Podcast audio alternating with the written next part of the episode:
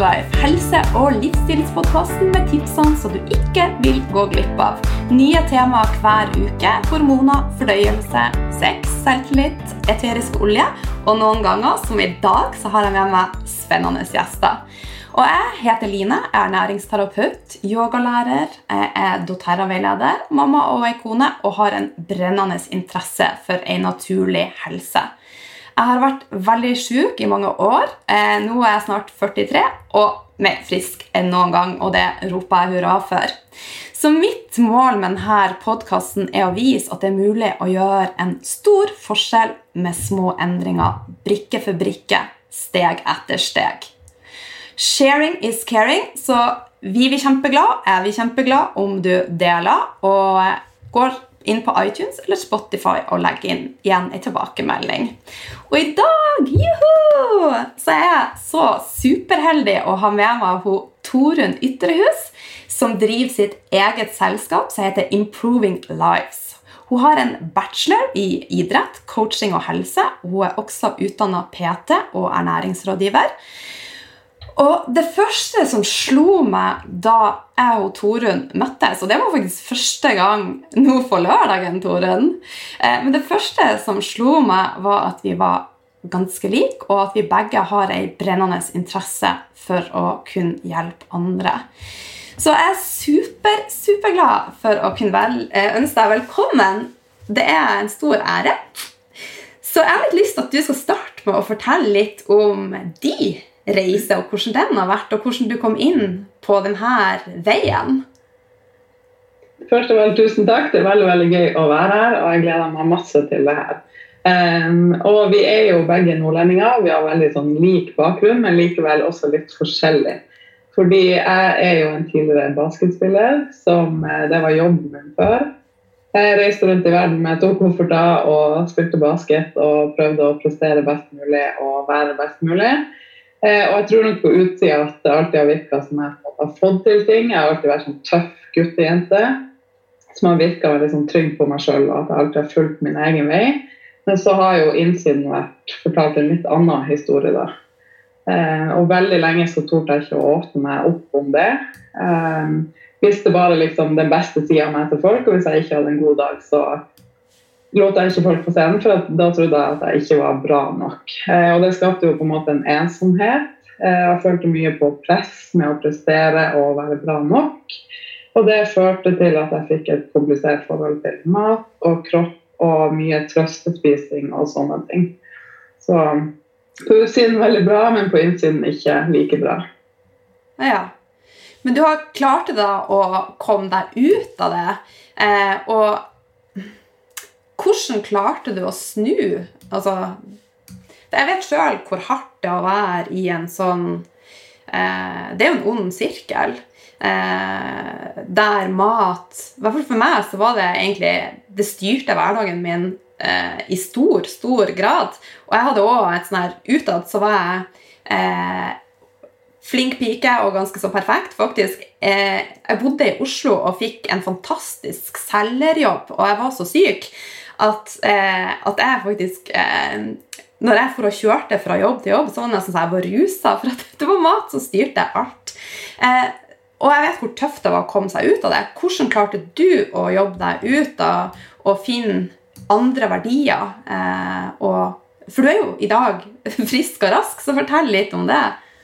Mm, absolutt, og jeg kjenner meg veldig igjen i det du beskriver. og det det tar jo over hele livet ditt og konsumerer veldig mye av tankene dine. og Du bruker så mye energi på det at det i utgangspunktet ikke er så mye plass til andre ting, men så setter du i tillegg krav til deg sjøl om å prestere på topp på alle de andre områdene også.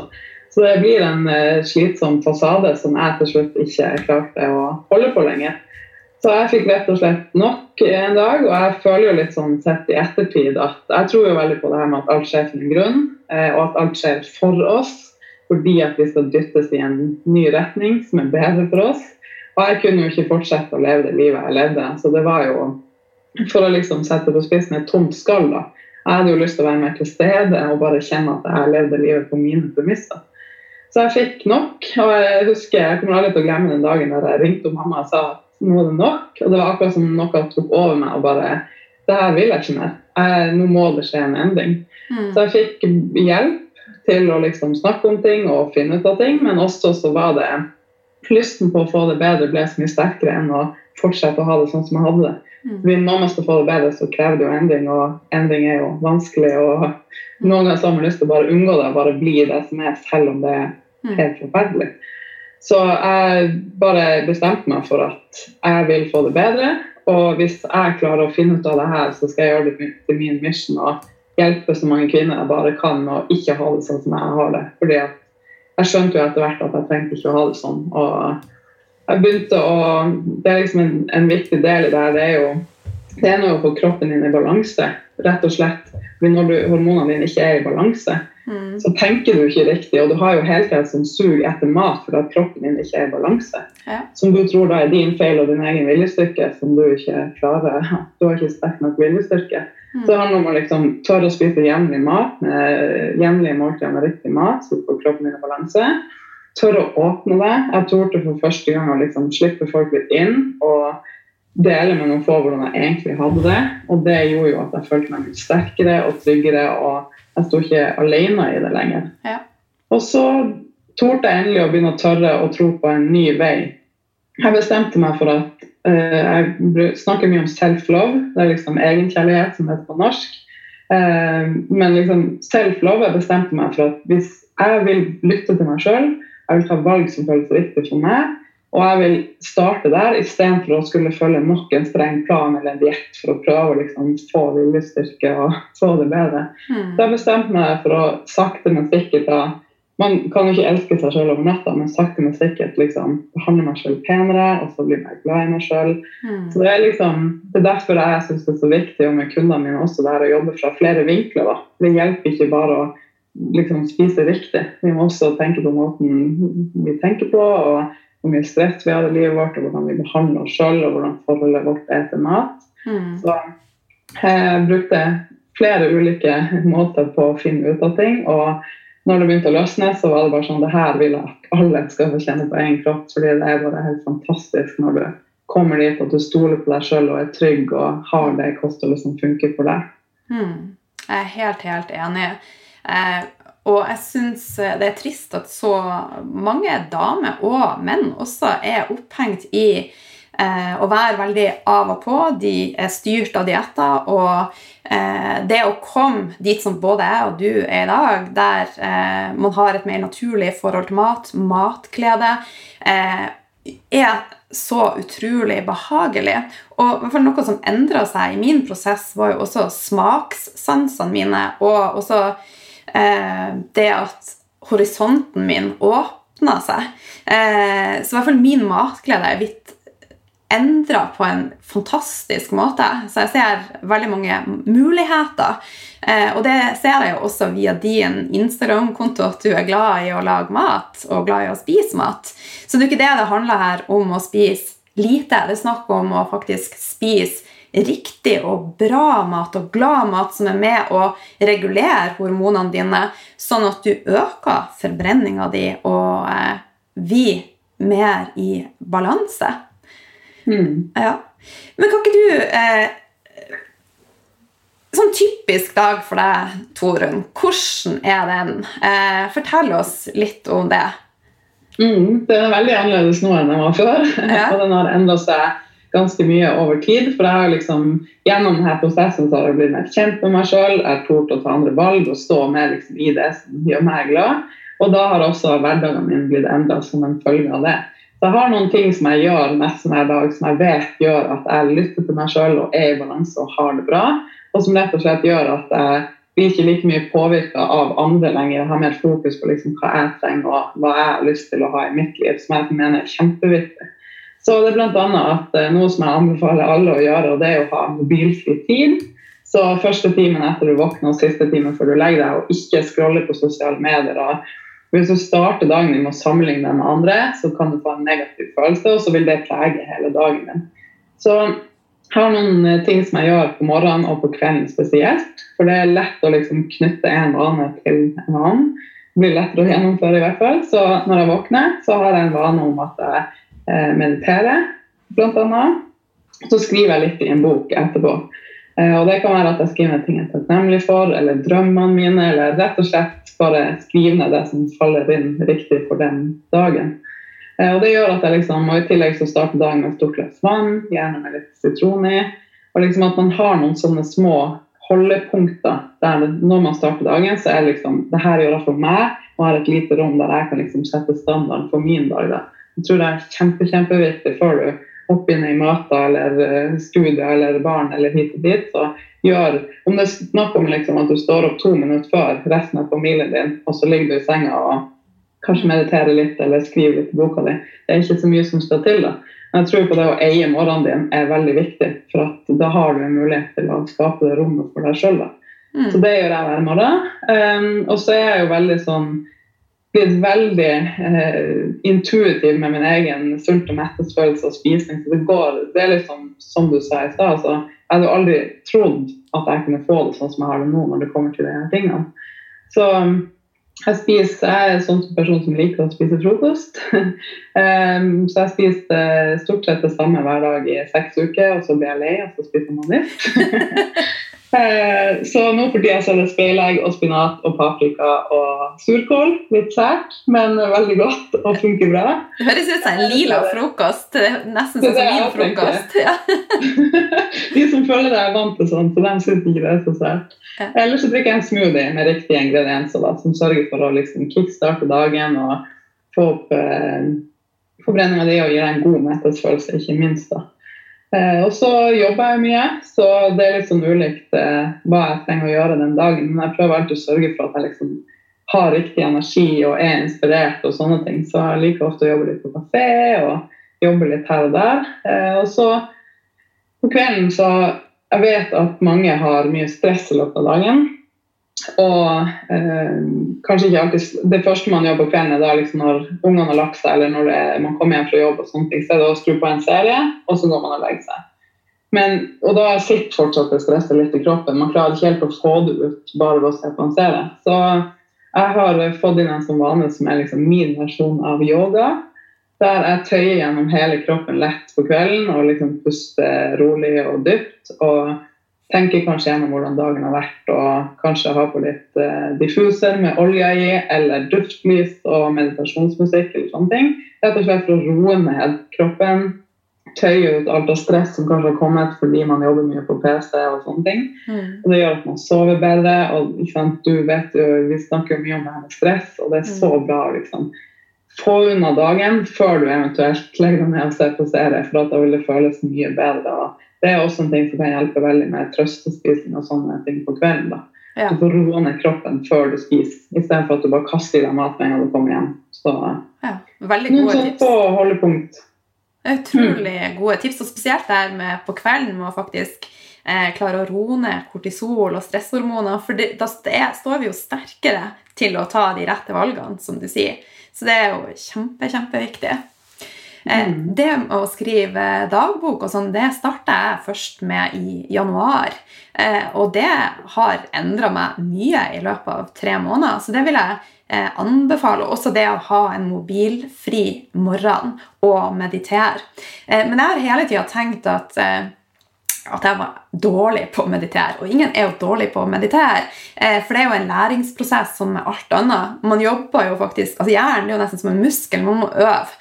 Eh, så eh, Tidligere så tenkte jeg at hvis jeg mediterte, så måtte jeg liksom sitte helt i ro, og da skulle det være stille. Og, men når en tanke da dukka opp i hodet mitt, så noterer jeg ned i dagboka mi. Så det er liksom blitt en sånn meditasjon. Jeg skriver litt. det, Så det er noe med at vi ikke må være for harde med oss sjøl og dømme oss, for det er vi jo så utrolig flinke til, vi jenter, og heller klappe oss på skuldra for at vi faktisk gjør noe. Hvis man f.eks. bestemmer seg for å lage seg ei lita yogaøkt på kvelden, Altså Det perfekte finnes ikke. Beveg på kroppen din, og det er bra nok. Ikke sant? Jeg er helt enig, og så handler det om å finne det som funker for deg. akkurat det liksom. Og jeg har brukt lang tid på å få inn liksom, meditasjon og nærtøyinga som en vane, og noe jeg gjorde hver dag. Men jeg liksom prøvd meg litt fram. og så Det handler om å ikke ha så høye krav, da, men bare prøve litt forskjellig. Og som du sier, finne akkurat det som funker for deg. Så mm. er det det viktigste. Det gjelder alt du skal gjøre det som funker for deg og føles riktig for deg. For ellers er det jo ingenting som altså, holder over tid. Nei. Det er viktig. Ja. Men eh, tilbake til det med å følge intuisjon i forhold til mat. Eh, hva mener du er hovednøkkelen til at du klarer det? Altså, hvilke endringer har du gjort i kostholdet ditt som gjør at det blir lettere å følge intuisjonen din? Jeg tenker at Det viktigste i starten er å lære seg mer om hvordan maten fungerer i din kropp. Fordi at uh, Veldig mange jenter spesielt, og mange av de som kundene mine, eh, opplever jo det at de har mye søtsug og mye cravings og sånne ting, og tror at det er deres egen feil, og at de bare ikke har viljestyrke nok. Mm. Når du lærer deg litt mer om hvordan kostholdet funker i din kropp, så blir det så mye lettere å ta valg ut fra det når mm. du har lyst til å ha en kropp i balanse. Og det var jo det første jeg gjorde, å lære meg mer om kostholdet, hvordan maten funker og sånne ting. Og så har jeg sakte, men sikkert Kostholdet mitt har jo endra seg over tid. Ja. Så det ser annerledes nå, ut nå enn det gjorde for bare tre år siden, f.eks. Fordi at jeg har lært meg å lytte mer og mer, og så gjøre endringer ut ifra det. For eksempel, det er sånne ting som jeg kanskje ikke burde innrømme, men jeg var jo avhengig av lettbrus før. Altså ikke avhengig da, men jeg drakk masse Pepsi Max og lett julebrus osv. Men det har jeg kutta ut helt i 2019 fordi at jeg bare følte at det ikke var riktig lenger, og jeg fikk utslett av det. Men det er en annen historie, da. Men det er liksom noe med det å tørre Jeg tror det er viktig hvis man skal begynne den reisen, så er det viktig å tørre å gi slipp på den vekta av den målebanen og begynne å lytte til seg sjøl. Men også lære mer om kostholdet, sånn at du kan bli tryggere på noen rammer som funker for deg. Ja. For det, Hvis du ikke vet hvordan maten funker, så er det ikke rart at du blir utrygg eller ikke forstår hvorfor du plutselig får cravings, og da vet du ikke hva du skal gjøre. Jeg tror det er kjempeviktig å begynne der og få inn jevnlige måltid og få litt hjelp med det. Så tror jeg mye, Det er liksom parallelt. da, ikke sant? Jobbe med selvfølelsen og det å stole på deg sjøl og mm. lære deg mer om riktig kosthold, så blir du tryggere til å ta valg over tid. da. Ja. For meg så opplever jeg også at det å ha et stabilt blodsukker er alfa og omega for å kunne klare å spise ut fra intuisjon. Og veldig mange spiser jo etter klokka, for det er jo det vi er blitt opplært til. At vi skal ha vår frokost, vår lunsj, vår middag og mellommåltid. Eh, og eh, jeg liker å, å, eh, sammenligne litt med dyreriket, for at det er jo ingen dyr som går med klokka. Altså Ikke at vi er et dyr, men vi kommer nå fra litt samme familie. Eh, sånn at eh, i hvert fall for meg så har det å klare å løsrive meg litt fra det der, vært, det med blodsukkeret vært det aller, aller viktigste. Hva tenker du om det? Ja, jeg er helt enig. Og det er liksom mange vet ikke hvor mye det her faktisk påvirker, og hvor viktig det er for kroppen vår å ha et blodsukker som er i balanse. Og hva det gjør over tid å ikke ha et blodsukker som er i balanse. Så det å liksom begynne å lytte til deg sjøl, men spise sammensatte måltider som gjør at du kan komme litt inn på det med liksom døyve sulthormonene dine, men òg gjør at du har blodsukker i balanse, som du sier. Det gjør jo at du blir sli, og du slipper å stresse sammen med mat, og det går mye mer av seg sjøl. Så det å ikke liksom tenke at du skal spise hver tredje time, eller liksom følge det en andre time, begynne å liksom finne lytte deg sjøl og finne det som funker for deg. For det, Spiser du et kosthold som gjør at du har hormonene og blodsukkeret ditt i balanse, så åpner det seg en helt ny verden for deg. Rett og slett. Mm. Og det unner jeg alle å få kjenne på. da. Mm. Så det å liksom starte dagen med frokostblanding med masse sukker i, f.eks og en kaffe. altså det er jo bare, Du skaper deg et grunnlag for dagen som er helt eh, Det er jo ikke et godt utgangspunkt, for da blir blodsukkeret ditt opp og ned. Og det som skjer da når det synker, er jo at du får enorme cravings. Så det blir jo ikke en naturlig sultfølelse lenger. Det blir jo sånn jeg må ha mat nå, og jeg må ha det første jeg finner. Ja. Og Det er ikke sant, det er det vi skal unngå, for da er det ikke, det er ingen som klarer å ta et sunt valg da. Da blir det liksom Gi meg det første som kan få det opp, og da er det jo ofte raske karbohydrater vi craver. Ja. Så det er litt med det å vite det at uh, det er viktig. Ja. Tidligere så har jeg snakka masse om eh, hormoner. På de to forrige episodene har jeg prata om hormonbalanse. Jeg har prata mye om kortisol, østrogen og stoffskiftehormonene. Og det som jeg fokuserer mye på, eh, er at de jobber i et team, og de påvirker hverandre. Men kortisol er ganske dominerende. Så har vi forhøya adrenalin- og kortisolnivåer, så eh, undersøk det en del andre eh, hormoner. Eh, et viktig element er jo at vi må prøve å jobbe med å få hormonene i balanse, vri fokuset bort fra dietter. Men hvis man er i totalt ubalanse, så er ikke det så lett, og det har vi allerede vært inne på. Og det er to hormoner som jeg, ikke har prata så mye om. og Det ene er leptin, og det andre er grelin. Eh, og Kan ikke du fortelle litt om hva du tenker, og hvordan de påvirker vårt forhold til mat, og hvordan det kan være ute av balanse? Mm, absolutt. Og det er liksom, Jeg bruker å kalle grelin for gorillahormonet, og så bruker jeg å kalle leptin for liksom den snille bamsen.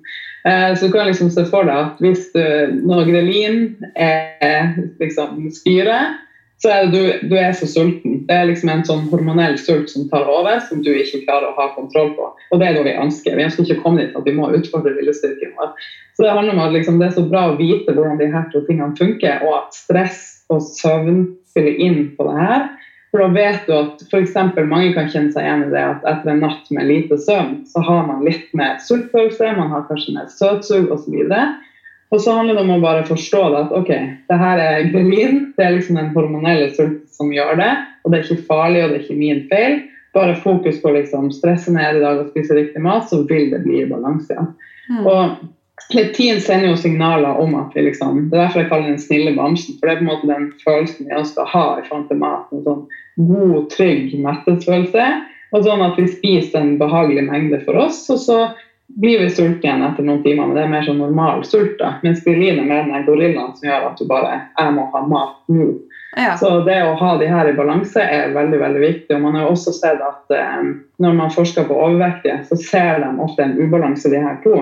Mm. Og det kan gjøre at signalene om at du blir mett og fornøyd, aldri kommer. Sånn at du bare spiser og spiser og spiser til magen din holder på å sprenges. Og det skyldes at de her to er i ubalanse. Ja. Og de viktigste tingene man kan gjøre generelt for å komme i hormonell balanse, og det gjelder jo også disse hormonene, da, det er jo som du prater masse om stress ned. Spis, eh, spis mat som ikke påvirker blodsukkeret og trigger stresshormonene. Og ikke minst prioritere det med søvn. Eh, jeg, hadde, eh, jeg har reflektert litt. Nå må jeg dele en liten historie. For jeg og du var jo på middag i lag på lørdag. Eh, vi, hadde, eh, vi, var på besøk hos ei anna venninne som heter Helene Ragnhild, og som hadde hatt omgangssyke. Eh, og normalt sett nå så sliter jeg ikke med søvn i det hele tatt, men jeg hadde hatt ganske strabasiøs reise. Jeg er jo litt sånn som av og til glemmer at jeg er et normalt menneske, så jeg reiste med 45 kg fra Gran Canaria til Oslo i bare legger og drassa med dette til hotellet mitt. Fikk ikke sove den natta, tok melatonin, noe som jeg sjelden eller aldri tar. Eh, og da etter middagen vår også, så var kroppen min her oppe fortsatt, for jeg hadde drukket for mye kaffe.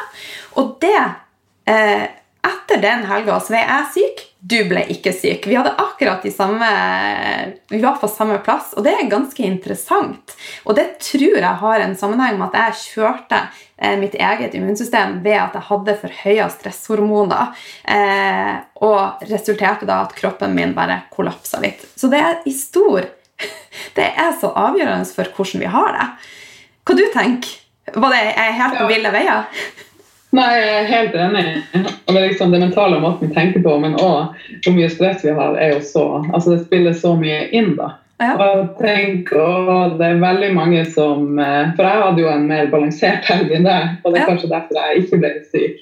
Jeg tenker også at det, det, her med koffein er jo Mange er liksom lite energi, mye trøtt og sånne ting, og drikker kanskje litt for mye koffein. Og det er veldig greit hvis du har en kropp som er i ubalanse, så begrens mengden koffein, for det kan bare gjøre det verre.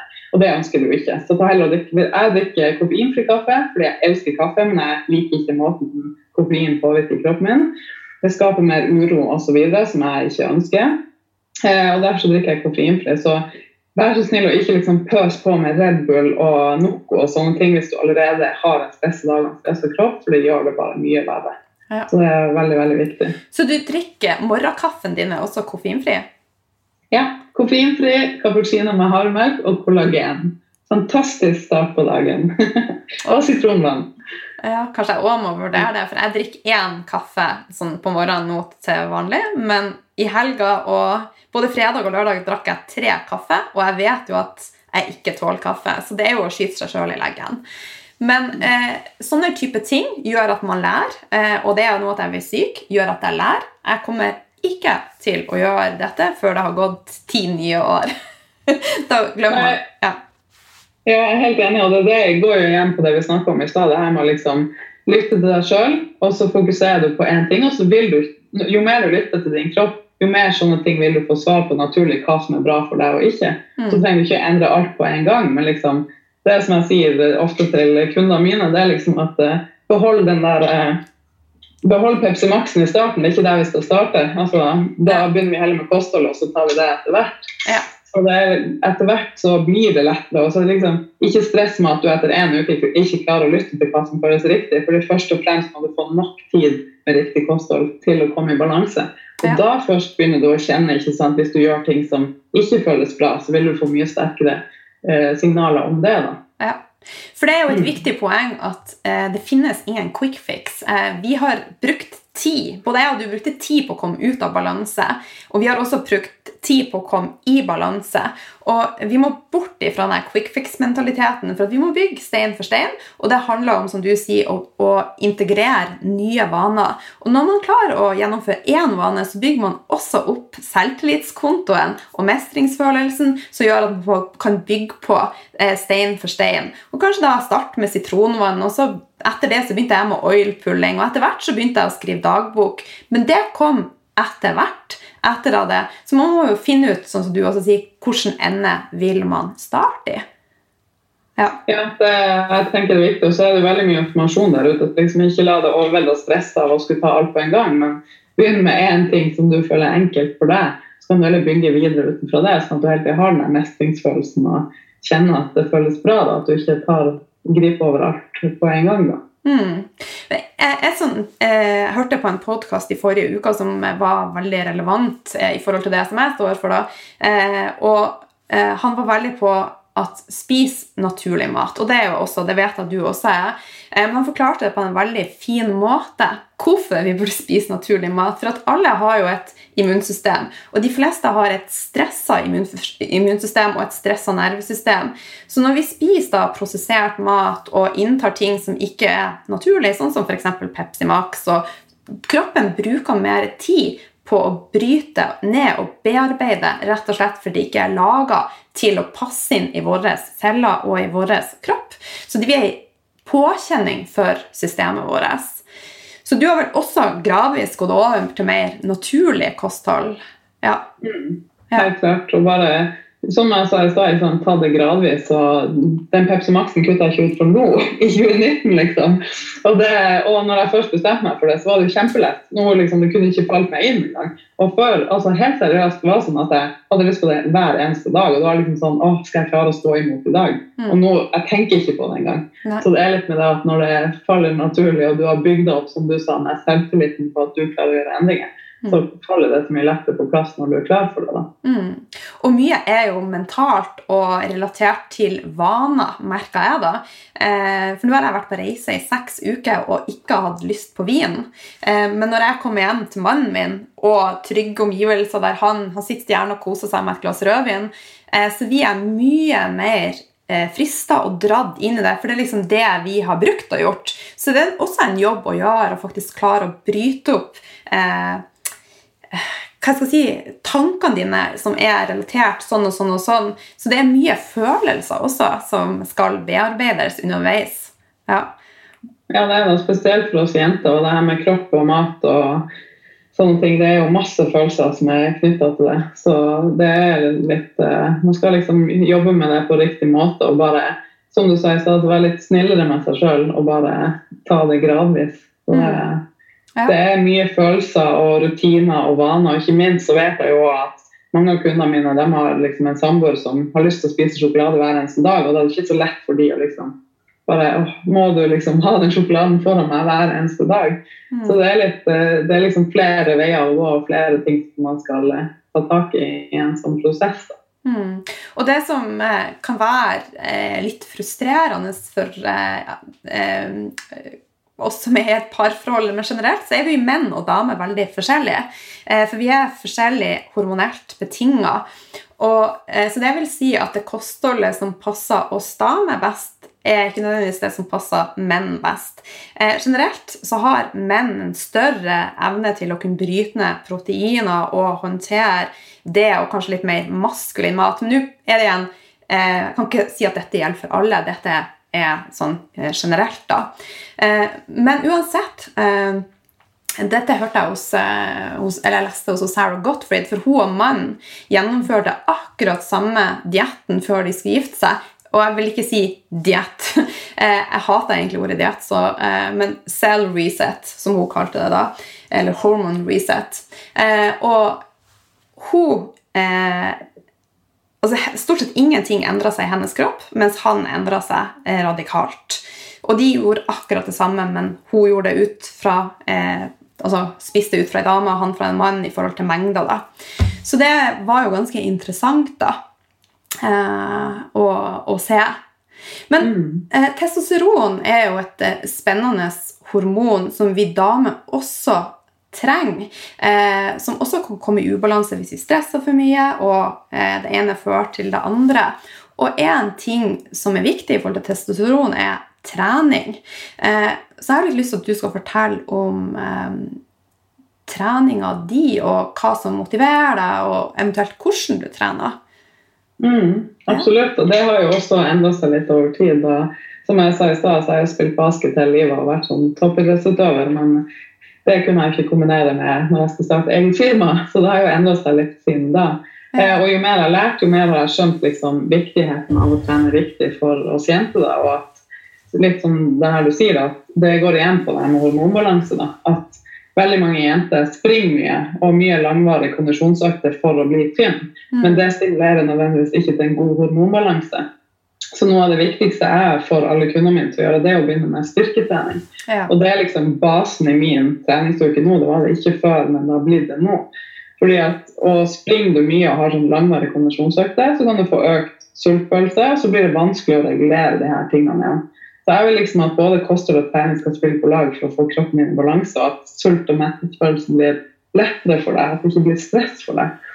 Eh, så styrketrening er noe som jeg mener er noe av det viktigste. og Det viser jo også at eh, damer som er på vei i overgangsalderen, har stor effekt av å kutte litt ned på kondisjon og heller trene mer styrke, fordi det bidrar til hormonbalanse. Så det er veldig veldig viktig for oss. Og ikke minst så jeg bruker treninga nå som en arena der jeg bygger min egen selvtillit. Og der jeg liksom tar på høretelefonene, og det er min tid, og det er da jeg liksom skal bevise for meg sjøl at jeg er sterk og jeg er tøff. og jeg er ikke sterk i det hele tatt, hvis man sammenligner med de som er sterke. Jeg, jeg liksom, den følelsen når du egentlig har lyst til å gi deg mentalt til, altså den, vi trenger den. Og det er en sånn trygg arena der vi bare kan fokusere på oss sjøl og booste selvtilliten vår litt. og det er mye lettere å ha et godt forhold til egen kropp og overskudd i hverdagen og ha en kropp som tåler hverdagen når du trener styrke jevnlig. Det er veldig veldig viktig for det mentale, men òg liksom det fysiske, og de spiller jo på lag. Så mm. jeg heier veldig på lære seg styrketrening og få inn det som en base i treningsuka di. For der får du store fordeler av. Ja. Og ikke minst er det sånn at mer muskelmasse øker forbrenninga. Og igjen, vi ønsker å gjøre det lett for oss med sult og metthetsfølelse og forbrenninga. Vi skal ikke måtte kjempe så hardt for, for de resultatene vi ønsker. Nei. Og der viser forskning at hvis man trener styrke 30 minutter tre ganger i uka, så senker det kortisolnivåene våre og øker testosteron, som vi trenger, og gir generelt bare en følelse av velbehag. Og eh, jeg jeg, altså jeg vet at både jeg og du er styrt av det å ha det bra. Det er jo det som er den røde tråden i det vi gjør. Vi er styrt av den følelsen inni oss, hvordan vi ønsker å føle oss. Og det er også min motivasjon til å inspirere andre til å klare å få den følelsen. Hva tenker du mm. der? Ja. Ja, jeg er helt enig. og liksom, Før så visste jeg jo ikke det. altså det høres litt sånn, Nå setter jeg det litt på spissen, da, men jeg, jeg trodde ikke at jeg fortjente å ha det bra. altså Det høres veldig sånn trist ut, men det var realiteten min før. Og jeg trodde at jeg måtte fortjene ting hele tida. Så jeg mm. tror det et store skiftet. Det er det som du sier nå, ikke sant, må liksom, vi er styrt av å ha det bra. Det er ikke så lett for alle. Nei. Og det var ikke lett for meg i starten heller. Det var liksom en vei jeg måtte gå for å komme dit. og det er bare liksom det fins bare én av deg. Liksom, det blir liksom klisjé, men det fins bare én av deg. Og du har ett liv, og det er din reise, liksom. Og du fortjener å ha det bra. Og du bestemmer, liksom. Så det å tørre å ta valg og liksom fylle livet med det som gjør deg glad, det er jo det som er viktig. Det er jo derfor vi er her, liksom. Ja. Og det, og jeg tror vi alle vet hvertfall at jeg er en sånn recovering people pleaser. Så det å komme bort fra andre sine forventninger, ta et lite steg bort fra det, og heller tenke litt mer på å lytte til deg sjøl og hva du ønsker, så livet bare blir noe helt annet umiddelbart. da. Hmm. For det, det er så lett å noen ganger si ja når du mener nei, og det går på bekostning av hvordan vi føler oss når alt kommer til alt. Så det er så viktig at vi faktisk sier nei når vi mener nei. Og det gjør noe med selvtilliten vår også. Eh, vi har vært litt inne på det med selvbilde og jeg tror veldig mange, Vi prata mye om det på lørdagen, jeg og du, Helene. Eh, at det er veldig mye usunne idealer, og det er usunne, forventninger. Eh, hva tenker du er, altså, Hva skal vi gjøre for å senke kravene til oss sjøl og ikke la oss påvirke av alle andre som ut, altså, sånn utad virka helt perfekt? Mm. Og det er jo viktig å liksom huske på det, at det er jo ingen som er perfekt. Og jeg og du har jo også ting som vi jobber med, og utfordringer osv. Og, så og vi blir litt nervøse før vi skal på live, liksom. Så det er ikke sånn at vi bare våkner opp og bare Ny, fantastisk dag, og alt er lett, liksom. Det er så viktig å minne seg selv på det at Instagram er på en måte ikke virkeligheten alltid. og vi er alle mennesker som bare gjør så godt vi kan, og det er viktig å liksom, minne seg på det. Eh, hva var spørsmålet ditt igjen? Nå som rota meg bort, for jeg snakket så mye. eh, nei, det var hvordan vi ikke skulle definere av Instagram og sosiale medier, men klare å være oss sjøl og ikke vi for mye påvirka. Ja. Mm. ja. Og jeg tror det er liksom et sammensatt svar til det, men jeg tror at først av alt liksom, ta mer tid bort ifra det. Ja. Og så tror jeg det handler om å finne mer altså Tørre å bli mer kjent med deg sjøl. Og tørre å hvis du har et forhold til mat som gjør at mat tar mye av plassen, så blir det nesten sånn at du vet ikke hva du skal gjort uten det. Men ofte så er det et symptom på at det er noe du savner i livet ditt. Så jeg tror at Jo mer du har fokus på deg sjøl og det å lytte på deg sjøl og fylle livet ditt med det som gjør deg glad, så betyr det så mye mer. Og du, da gidder du ikke å sammenligne deg like mye med andre. Så jeg tenker at Vi har et valg med hvem vi lar oss påvirke av, og hvor mye vi scroller på sosiale medier, og om det gir oss en god følelse eller ikke. Mm. Liksom prøv å ta ansvar for at du skal fylle livet ditt og Instagram-feeden din med ting som gir deg inspirasjon, og ikke ting som får deg til å føle deg dårlig, rett og slett. Så det er liksom en sånn sammensatt uh, approach til det som uh, jeg mener er veldig viktig. og det er litt sånn For å komme unna trøstespising og sånne ting, så er det også en ting som er viktig å ta tak i. At kanskje er det et symptom på hva, altså, hva er du egentlig sulten på, da? hva det er egentlig du savner i livet ditt som du prøver å fylle det tomrommet med, med mat. Mm. Um, er du i feil jobb? Er du i feil relasjon? Altså, er det liksom, Du skulle egentlig ønske at du torde å gjøre noe annet enn det du gjør, eller du torde å melde deg på dansekurs, eller altså, ja. alle mulige sånne ting. da. Ja. Og Da handler det om å tørre å lytte mer til seg sjøl og tørre å stoppe opp. Mm. Som er litt skummelt i starten, men som vi begge sa, det blir lett etter hvert. Ja. Det blir tryggere og bedre å lytte til seg sjøl etter hvert når man bare tør å begynne å prøve. Mm. Og mitt motto er 'just do it', for at når du først gjør det, så kommer action og motivasjon. Og det eh, Jeg tror aldri det perfekte øyeblikket for å starte med noe kommer. Og det, alt, det koster alltid å hive seg i noe nytt og prøve noe nytt. Og det gjelder også nye vaner. Eh, det er investering, det koster tid, det koster energi. Og men det er så verdt det eh, når man da kjenner på resultatet. Og Noen ganger går man på en smell, men så lærer man av det. Det er det det handler litt om. Ja, litt det som du sa med mindset. ikke sant? Det her må, som jeg sa innledningsvis, med at ting skjer for deg. Og det og som du sa, det her med at vi, vi lærer bare. Vi mislykkes ikke, vi lærer bare. Og det er liksom å klare å snu måten å tenke på rundt ting som Istedenfor at du går i en sånn offerrolle og bare rakker ned på deg sjøl, så bare Yes, jeg torde. Jeg prøvde, og hva kan jeg lære av det her? liksom? Så blir det bedre neste gang. Det er så viktig at uh, jeg snakker mye om det, og selv om det er en klisjé det med å være sin egen beste venn, da, men du skaper mye mer rom for at du kan vokse og få de resultatene du vil, og komme dit du vil, hvis du behandler deg sjøl feil underveis, kontra hvis du bare rakker deg sjøl ned. Det skaper jo ikke et godt sted å være for å utvikle seg og få det bedre. Nei. Så i forhold til sosiale medier, så la, vi kan la oss motivere og inspirere, men bort fra sammenligning, for at alle er unike.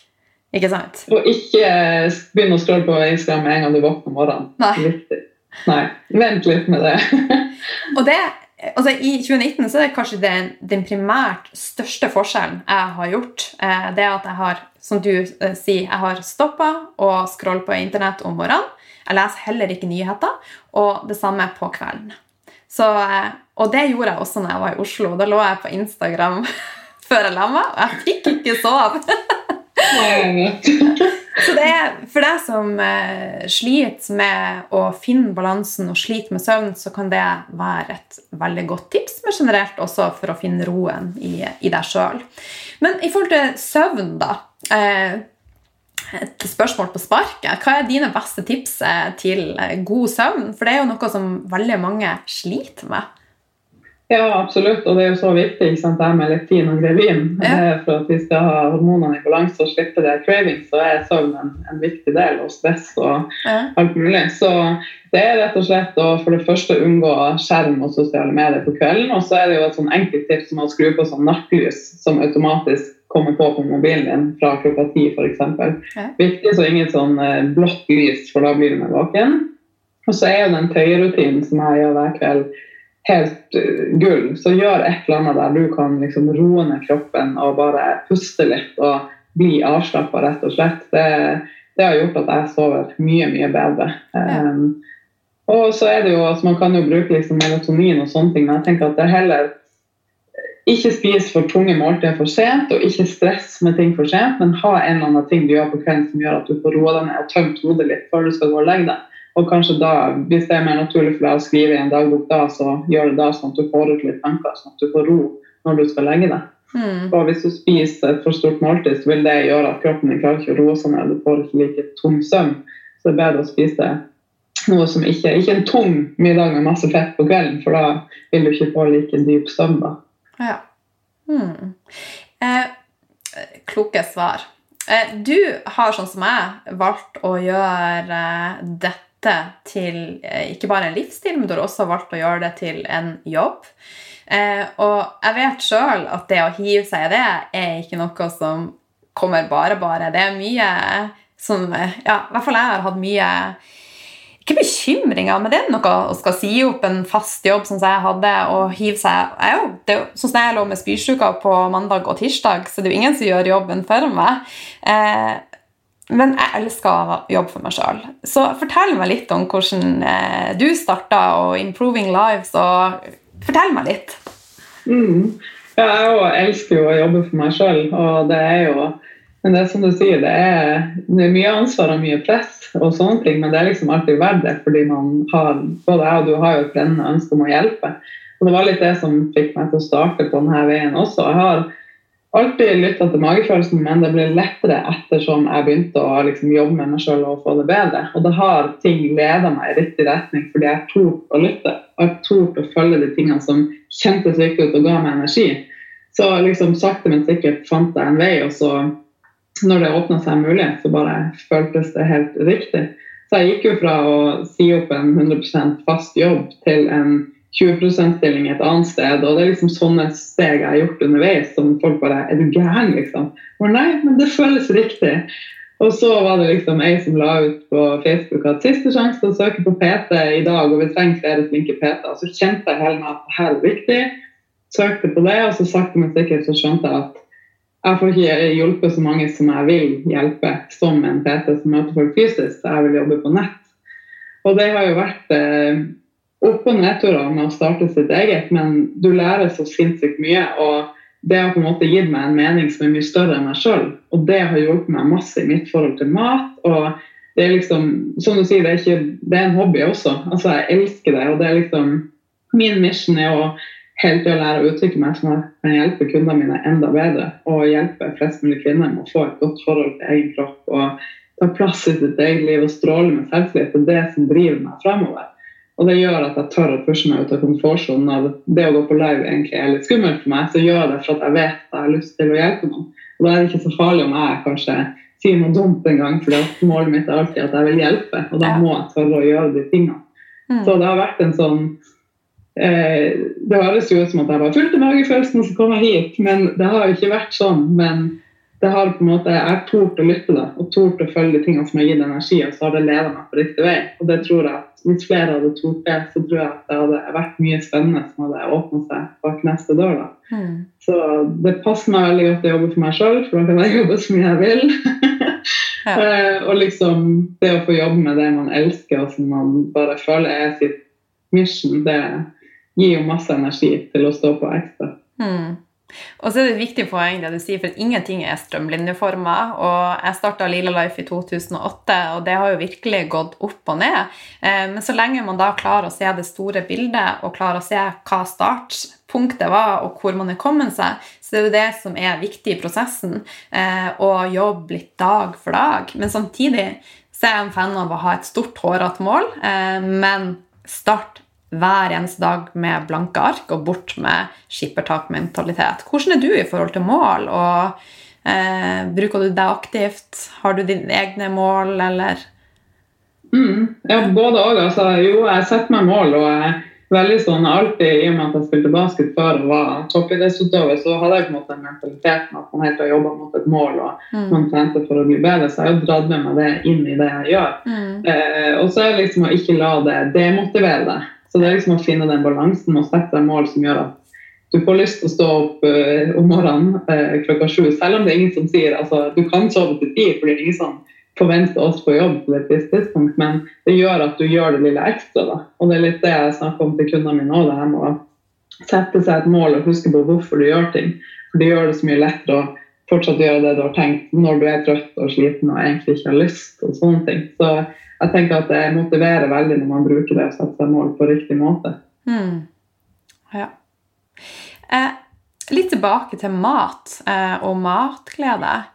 Eh, hva er dine beste tips til å eh, ja, leke seg på kjøkkenet og bli inspirert av naturlige matvarer? Og eh, hvordan lar du deg inspirere til å ja, holde flyten? Og, altså for det handler om å gjøre ting regelmessig og do it over time.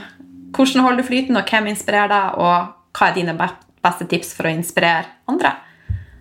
Mm. Jeg tenker at Det viktigste er å ikke liksom, gjøre alt på en gang, men kanskje fokusere på å ta ett måltid om gangen. Og så ikke tenke så komplisert på det. Men liksom, hvis du har lyst til å få en smoothie til frokost, da, så handle inn til det sånn at du har alt hjemme. Og så begynner du liksom at det er fokuset, og så lar du alt annet være som det er. For Da begynner du å bygge deg en grunnmur sakte, men sikkert, der ting går mye lettere for deg. Og så er det jo jeg elsker jo å prøve sånne sunne restauranter og kafeer. Liksom, hver gang jeg reiser, så googler jeg liksom raw food eller healthy food. og Bare det å reise rundt og prøve forskjellige ting som jeg da kan dra tilbake og lage oppskrifter av til min, og det, det synes jeg er helt eh, Det gir meg masse inspirasjon. da. Så det å la deg inspirere andre, men sakte, men sikkert finne det som funker for deg, det er jo liksom den balansegangen som er viktig. da og begynne i det små, og ikke tenke at du skal endevende på hele kostholdet ditt med en gang. Mm. Um, og så er det jo liksom, hvis, hvis jeg sånn, kommer inn i en fase der jeg liksom bare, så går jeg ut og spiser på en eller annen sunn restaurant eller kafé, og så får jeg masse inspirasjon og motivasjon. Og så handler det litt om det å bare ikke alltid måtte inspirere seg sjøl, men gå ut og gjøre de tingene som gjør at du blir inspirert. For det finnes så mye sunn og fargerik mat. Og når du i tillegg tenker på liksom, hvilken følelse jeg har lyst til å ha etter måltidet, og bare liksom tenker at dette er kjærlighet du gir til din egen kropp for at det er næring som den gjør at den blir sprudlende glad, liksom, Ja. så får man et annet, annet forhold til det. Det blir så mye lettere å få matglede da, når man eh, har litt mer sånn fritt forhold til det. Og ikke minst det her med å vite at det å spise godteri eller andre ting når du har lyst til det en gang iblant, det er fullt lov. Og det betyr ikke at du er et dårlig menneske eller at du trenger å ha negative følelser etterpå. Det får cravingen ut av systemet, og så er du rett videre på smoothien neste morgen, og så går det helt fint. Ja, og det er så viktig det der at man tar dag for dag. Og der syns jeg du er veldig flink på, på mandagene og det er veldig mye motiverende. Så litt tilbake til hvis du har vært på små godtesmeller, at vi, nå er vi back on track, og det er så viktig, sånn at vi ikke utsetter og utsetter og utsetter og tenker at eh, i mars eller eh, etter påske skal jeg starte, men at vi tar én dag eh, om gangen. Ja. ja, og så blir det ofte sånn at mange tenker at det må være alt eller ingenting, og så fort vi spiser noe utenfor planen, så gjør det at vi liksom Nei, å, nå har jeg falt av. Og så ender det opp med at man spiser usunt. Og som du sier, å, jeg begynner på mandag igjen, eller jeg begynner etter påsken, eller i stedet tenker at det er ikke alt eller ingenting som gir de beste resultatene. At det er liksom kontinuitet, og det at du bare Det har ikke noe å si det ene måltidet. Du er alltid bare ett måltid unna å være i balanse igjen. Så mm. det er litt sånn stresset rundt det. Og det er helt normalt å få lyst på sjokolade en gang iblant. Ja. Og det er lov å spise det òg. ja. Og jeg liker 80-20-regelen. er, Det er ikke noen regel, men jeg liker at det skal være en balanse, så det er rom for å, å skeie ut også. Eh, så lenge man da har det bra. Og der hadde jeg en opplevelse når jeg var på reise nå, der jeg spiste et identisk måltid eh, med to forskjellige, to forskjellige dager. Eh, hvor mindsettet og stemninga var helt forskjellig på de måltidene, og det gjorde at jeg fikk en forskjellig reaksjon fra dag til dag. Eh, så det var også veldig spennende. Så det har mye å si hvordan vi tilnærmer oss det måltidet vi spiser, og at vi åpner, eller at vi spiser det med et åpent sinn, og istedenfor å disse oss sjøl hvis vi spiser dårlig mat, så spiser vi det med grace. er du enig der? Amen! Ja. yes. Eh, ok. Så hvis du, vi skal oppsummere det vi har prata om, så handler det om matglede. Det handler om at vi eh, må få fokuset bort fra dietter og heller få eh, hormonene i balanse. Eh, det er viktig å nevne det her med at dietter løser ikke det egentlige problemet. Hvis du bare skal følge, Det er en grunn til at du føler at du må gå på en diett. Og da mm. vil ikke en diett løse det problemet. Så du trenger liksom å begynne i andre enden og tenke hvorfor har jeg kommet hit? Og så ta tak i det. Og Da er det jo sulthormoner og blodsukker og riktig kosthold som gjør at du trenger ikke å begynne på diett. Fordi du får de resultatene du vil av deg sjøl. Så det, det, er viktig. Ja. Eh, helt eh, avslutningsvis, vi begynner å nærme oss slutten, eh, så har jeg litt lyst til å altså Jeg starta jo Lila Life i 2008, og da var livet mitt ikke så lekent, men det betyr et lekent liv.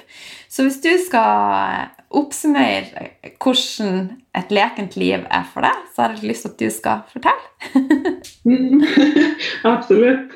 Eh, og det tror jeg nå jeg blitt flinkere til de senere årene, holder jeg på å si. Eh, til å, for jeg syns at det her med hverdagsglede er så viktig, og at det er de små tingene som liksom det at du har dratt på trening eller vært på trening, så kommer du hjem på en lang dusj og kan en god middag, det er liksom, eller en ny kopp te, eller en ny hårkur, eller nyvaska sengetøy. Det er liksom sånne små ting i hverdagen som bare gjør at man får litt mer sånn lykkefølelse. da. Mm. Og også det at uh, når man omringer seg med folk som gir energi, og man lar seg inspirere av uh, forskjellige sunne kafeer eller sånne ting, og høre på en podkast. At man rett og slett fyller hverdagen med litt mer av det som gjør at det kribler litt mer i magen. Da. At det ikke bare blir stengning og stress. Og, så det har jeg blitt mye mye flinkere på, og det ønsker jeg at vi alle skal bli flinkere på. For det er jo hverdager som det er mest av, og det er viktig å skape sånne små hverdagslykkeøyeblikk, syns jeg. da. Ja, jeg er så enig. Jeg elsker hverdager. Eller jeg elsker livet generelt, da. Men det er jo også noe som har kommet etter hvert. Så det, det, var kloke svar fra, fra deg, Torunn, så det setter jeg pris på. Eh, er det noen som inspirerer deg? Altså hvem eh, Ja, hvem inspirerer deg? Eh, hvem følger du? Liker du å følge med for å hevde Altså du sier du er ut, opptatt av å utvikle deg sjøl. Mm. Ja, altså først og fremst så er det jo improve-assistenten min og kundene mine som inspirerer meg til å ville bli bedre. og Det er jo derfor jeg gjør det her. Det er jo for dem, liksom. Så jeg prøver hele tida å snakke med de og lytte til de, hva det de trenger osv. Og det gir meg masse motivasjon til å tørre å gå ut av min egen komfortsone, som jeg sa. Mm. Men også at jeg følger jeg, altså jeg digger sånne som deg, da. Altså jenter og kvinner som tør, og som tør å stole på seg sjøl, og som prøver i hvert fall å ikke bry så mye, om, så mye om hva andre syns, og tør å gå sin egen vei, de inspirerer meg veldig veldig mye. Så jeg har liksom noen sånn faste i perioder som jeg følger på Instagram og hører på podkaster til. For jeg prøver til å lytte til hva er det jeg trenger å inspireres av akkurat nå. Så endres det hele tida. Mm. Så det er ja, kvinner som tør å gå sin egen vei, og som tør å stole på seg sjøl Det inspirerer meg veldig veldig masse. Ja, jeg er enig. Vi må heie på hverandre og være litt eh, flinkere og være tøff. Eh, vi har eh, vært litt forsiktige, så nå er det girl power. Yes. jeg gleder meg fantastisk til. Men eh, for de som er med nå, og som har lyst til å følge deg videre, hvor kan de treffe deg hen? Improving Lives heter jeg på Instagram, og der henger jeg mest. Eh, Så gå inn der og send meg en melding eller noe hvis du lurer på noe, så kan vi bli bedre kjent der inne. Så jeg er veldig aktiv der. Så start der. Yes. Eh, For dere som er med live, vi henger med Vi avslutter ikke helt. Jeg skal avslutte innspillinga av podkasten, så da takker jeg deg, Torunn, så mye for at eh, du var med. Det var skikkelig, skikkelig artig, og jeg syns du er superinspirerende. Så jeg håper at du vil komme tilbake en annen gang. Det vil jeg gjerne. Det var veldig, veldig gøy. Ja. Ok, takk for nå, og ha det bra.